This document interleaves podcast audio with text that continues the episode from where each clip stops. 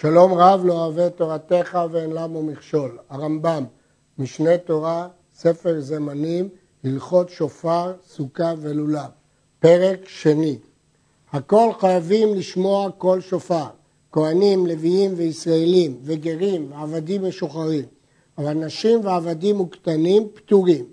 מי שחציו עבד וחציו בן חורין וטומטום ואנדרוגינוס חייבים. הברייתא מונה את כל החייבים בתקיעת שופר, ואומרת הגמרא שהחידוש הוא שהייתי סבור שכהנים ולוויים כיוון שאינם במצוות יובל לא יהיו במצוות שופר של ראש השנה כי יש היקש בין ראש השנה ליובל, כמה שמעלן שהם חייבים.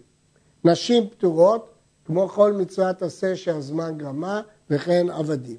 קטנים פטורים כמו שפטורים מכל המצוות הגמרא במסכת ערכין אומרת שאם הם הגיעו לחינוך הם חייבים. טומטום ואנדרוגינוס הם ספק, טומטום הוא מי שמכוסים אברי המין שלו, אנדרוגינוס יש לו אברי זכר ואברי נקבה, מספק הם חייבים. מי שחציו עבד וחציו בן חורין, כגון שהיו לו שני שותפים, אחד בעלים, אחד שחרר אותו ואחד לא שחרר אותו, הרי שהוא חציו עבד וחציו בן חורין, הם נמצאים במצב ביניים, אבל סוף סוף, כיוון שחציו בן חורין, הוא חייב. כל מי שאינו מחויב בדבר, חייב בדבר, אינו מוציא את החייב, ידי חובתו. לפיכך אישה הוא קטן שתקעו בשופר, השומע מהם לא יצא. מי שלא חייב בדבר, לא יכול להוציא אחר ידי חובתו. זה עניין עקרוני, שכל דבר שאדם לא חייב, לא יכול להוציא את מי שחייב. לפיכך, אישה או קטן שהם פטורים, לא יכולים להוציא את הגדול שחייב. אנדרוגינוס מוציא את מינו ואינו מוציא את שאינו מינו. ההלכה הזאת נקבעת לפי הדעה שאנדרוגינוס הוא בריאה בפני עצמה. אם הוא בריאה בפני עצמה, וכנראה שכך פסק הרמב"ם, הוא יכול להוציא את כל הבריות שדומות לו, כלומר אנדרוגינוס. הרעב"ד מביא שיש דעה שחולקת שאנדרוגינוס הוא ספק זכר, ספק נקבה, ואז כמובן שהוא לא יכול להוציא גם את בן מינו. טומטום אינו מוציא לא את מינו ולא את שאינו מינו, כיוון שטומטום הוא ספק, איננו יודעים מה יש מתחת הכיסוי, ולכן הוא לא יכול להוציא לא טומטום אחר, כי אולי הטומטום הזה מתחת הכיסוי הוא זכר, והטומטום השני מתחת הכיסוי הוא נקבה, ונקבה לא מוציאה את הזכר. ולכן אנחנו לא יודעים, הוא לא מוציא לא את מינו. והוא מסביר הרמב"ם, אפשר שימצא זכר ואפשר שימצא נקבה. הלכה ג' וכן מי שחציו עבד וחציו בן חורין, אינו מוציא אפילו לעצמו, שאין צד עבדות שבו מוציא צד חירות שבו, אלא כיצד יוצא ידי חובתו, שישמע מבן חורין שיתקע לו. כאן יש הלכה מחודשת. מי שחציו עבד וחציו בן חורין, ברור שהוא לא יכול להוציא גם אדם אחר, כי יש חשד שצד העבד שלו יוציא את הצד האחר שמחויב. אבל מחדש הרמב"ם שאפילו את עצמו הוא לא יכול להוציא ידי חובה. מדוע אפילו את עצמו הוא לא יכול להוציא ידי חובה?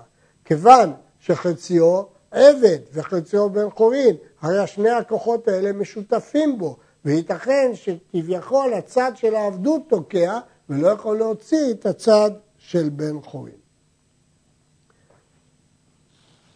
מתעסק בתקיעת שופר להתלמד, לא יצא ידי חובתו.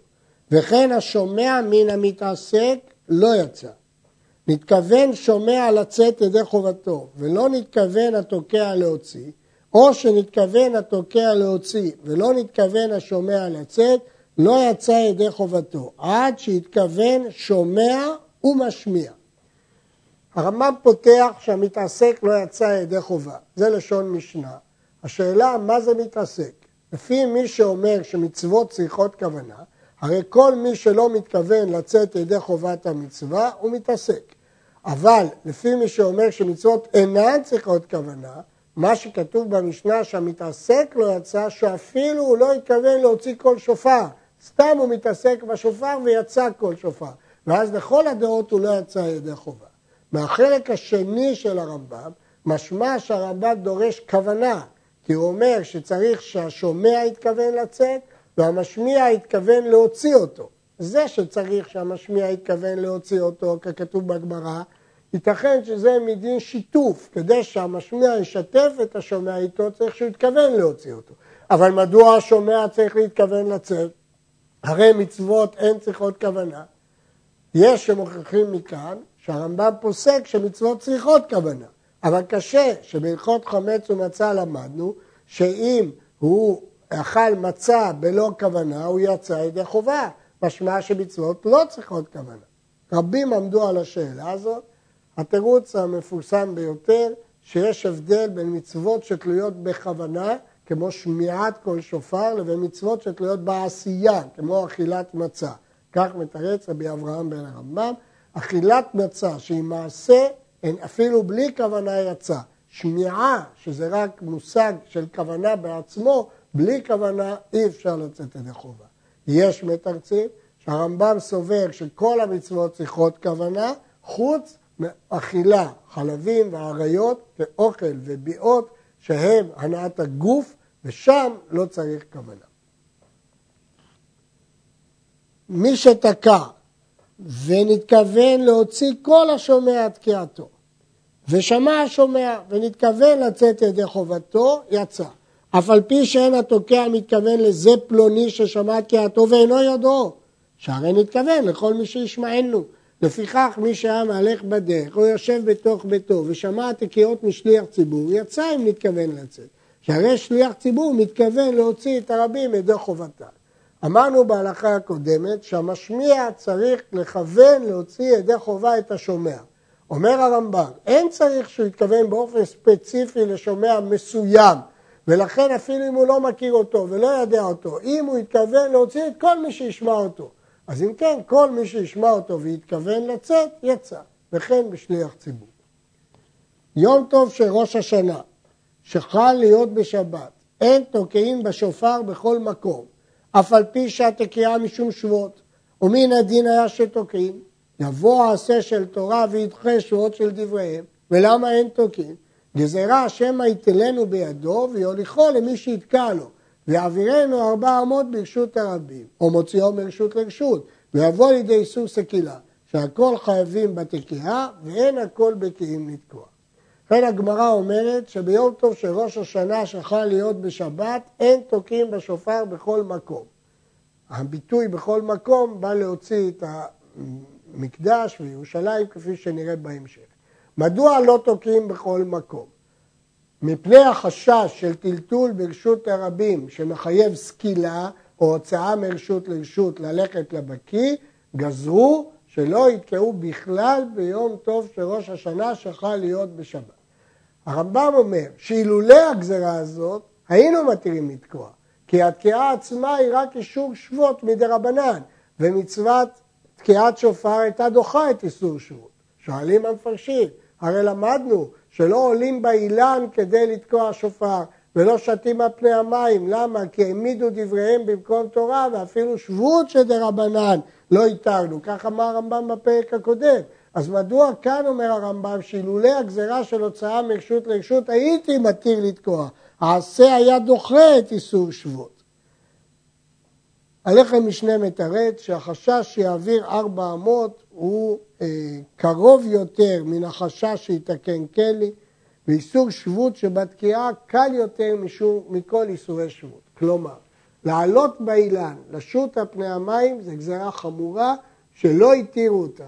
אבל להשמיע קול זה איסור יותר קל, שאותו היינו צריכים להתיר אילולא הגזרה שמא יוצאים מרשות לרשות. ועדיין הדבר צריך להיות.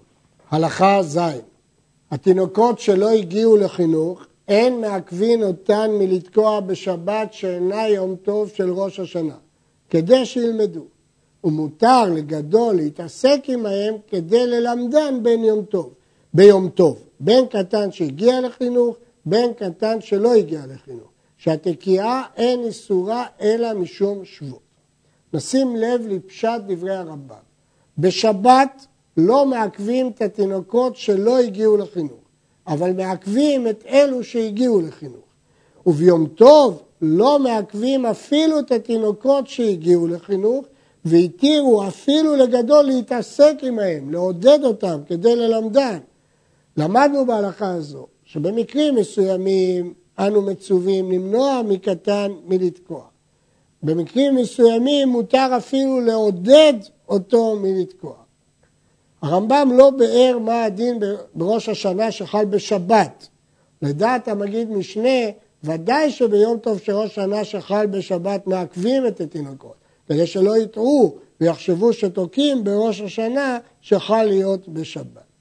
מפסיקת הרמב"ם עולה שהחמירו בקטן שהגיע לחינוך, שמעכבים אותו בשבת, כיוון שהוא מבין את משמעות המצוות.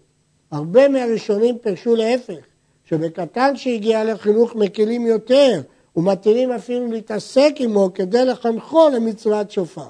אבל קטן הגיע, שלא הגיע לחינוך, אין טעם להתעסק עמו, כיוון שאינו מבין את המשמעות וזאת דעת הראב"ד. נסביר את המחלוקת. יש פה בעצם עניינים סותרים של חינוך.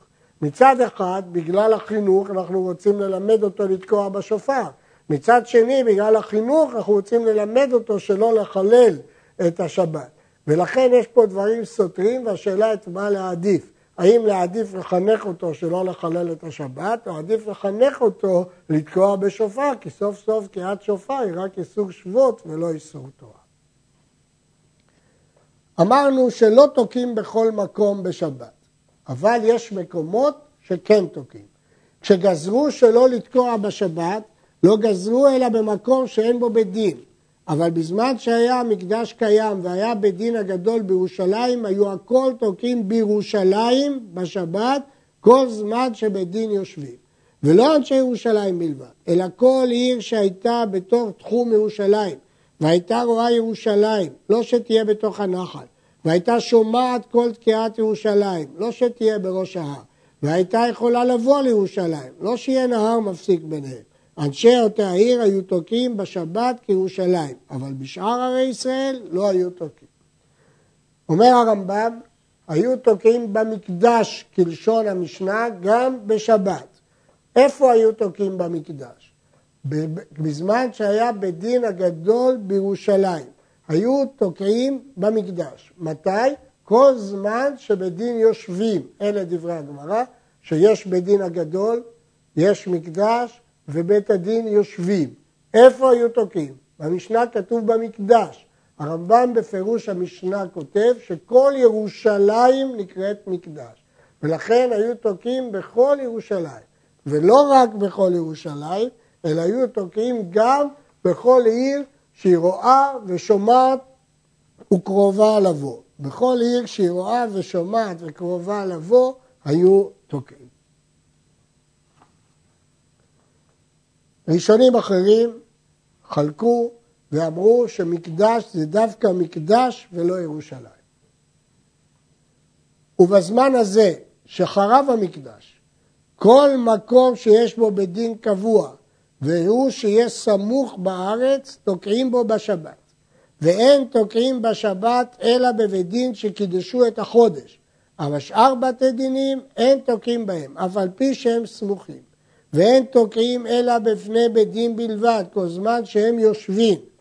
ואפילו ננערו לעמוד ולא עמדו, תוקעים בפניהם. אבל חוץ לבית דין אין תוקעים. ולמה תוקעים בפני בית דין? מפני שבית דין זריזים הם, ולא יבואו התוקעים להעביר השופר בפניהם ברשות הרבים, שבית דין מזהירים את העם ומודיעים להם.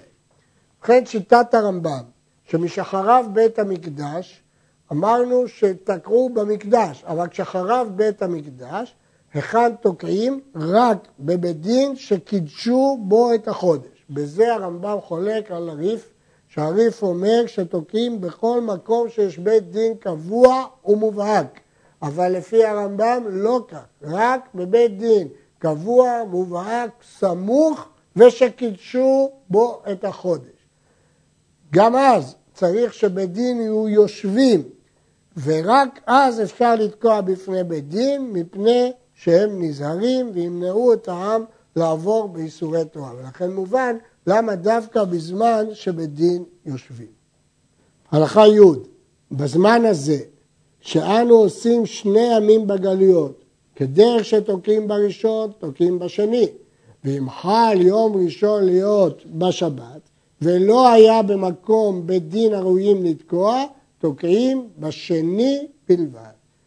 כלומר, אם יום הראשון חל להיות בשבת, תוקעים רק בשני. הרמב"ם לא הביא את הדוגמה ההפוכה, כי לפי הלוח הקבוע זה לא ייתכן. אבל אם היום הראשון חל להיות בשבת, תוקעים רק ביום השני. הכסף משנה מדייק, משמע שאם היה בית דין שראויים לתקוע, היו תוקעים. הרי לפי הרמב"ם אין בכלל בית דין ראויים שקידשו את החודש. אבל ייתכן שהרמב"ם כתב בדין הראויים, אילו התנאים היו מתקיימים.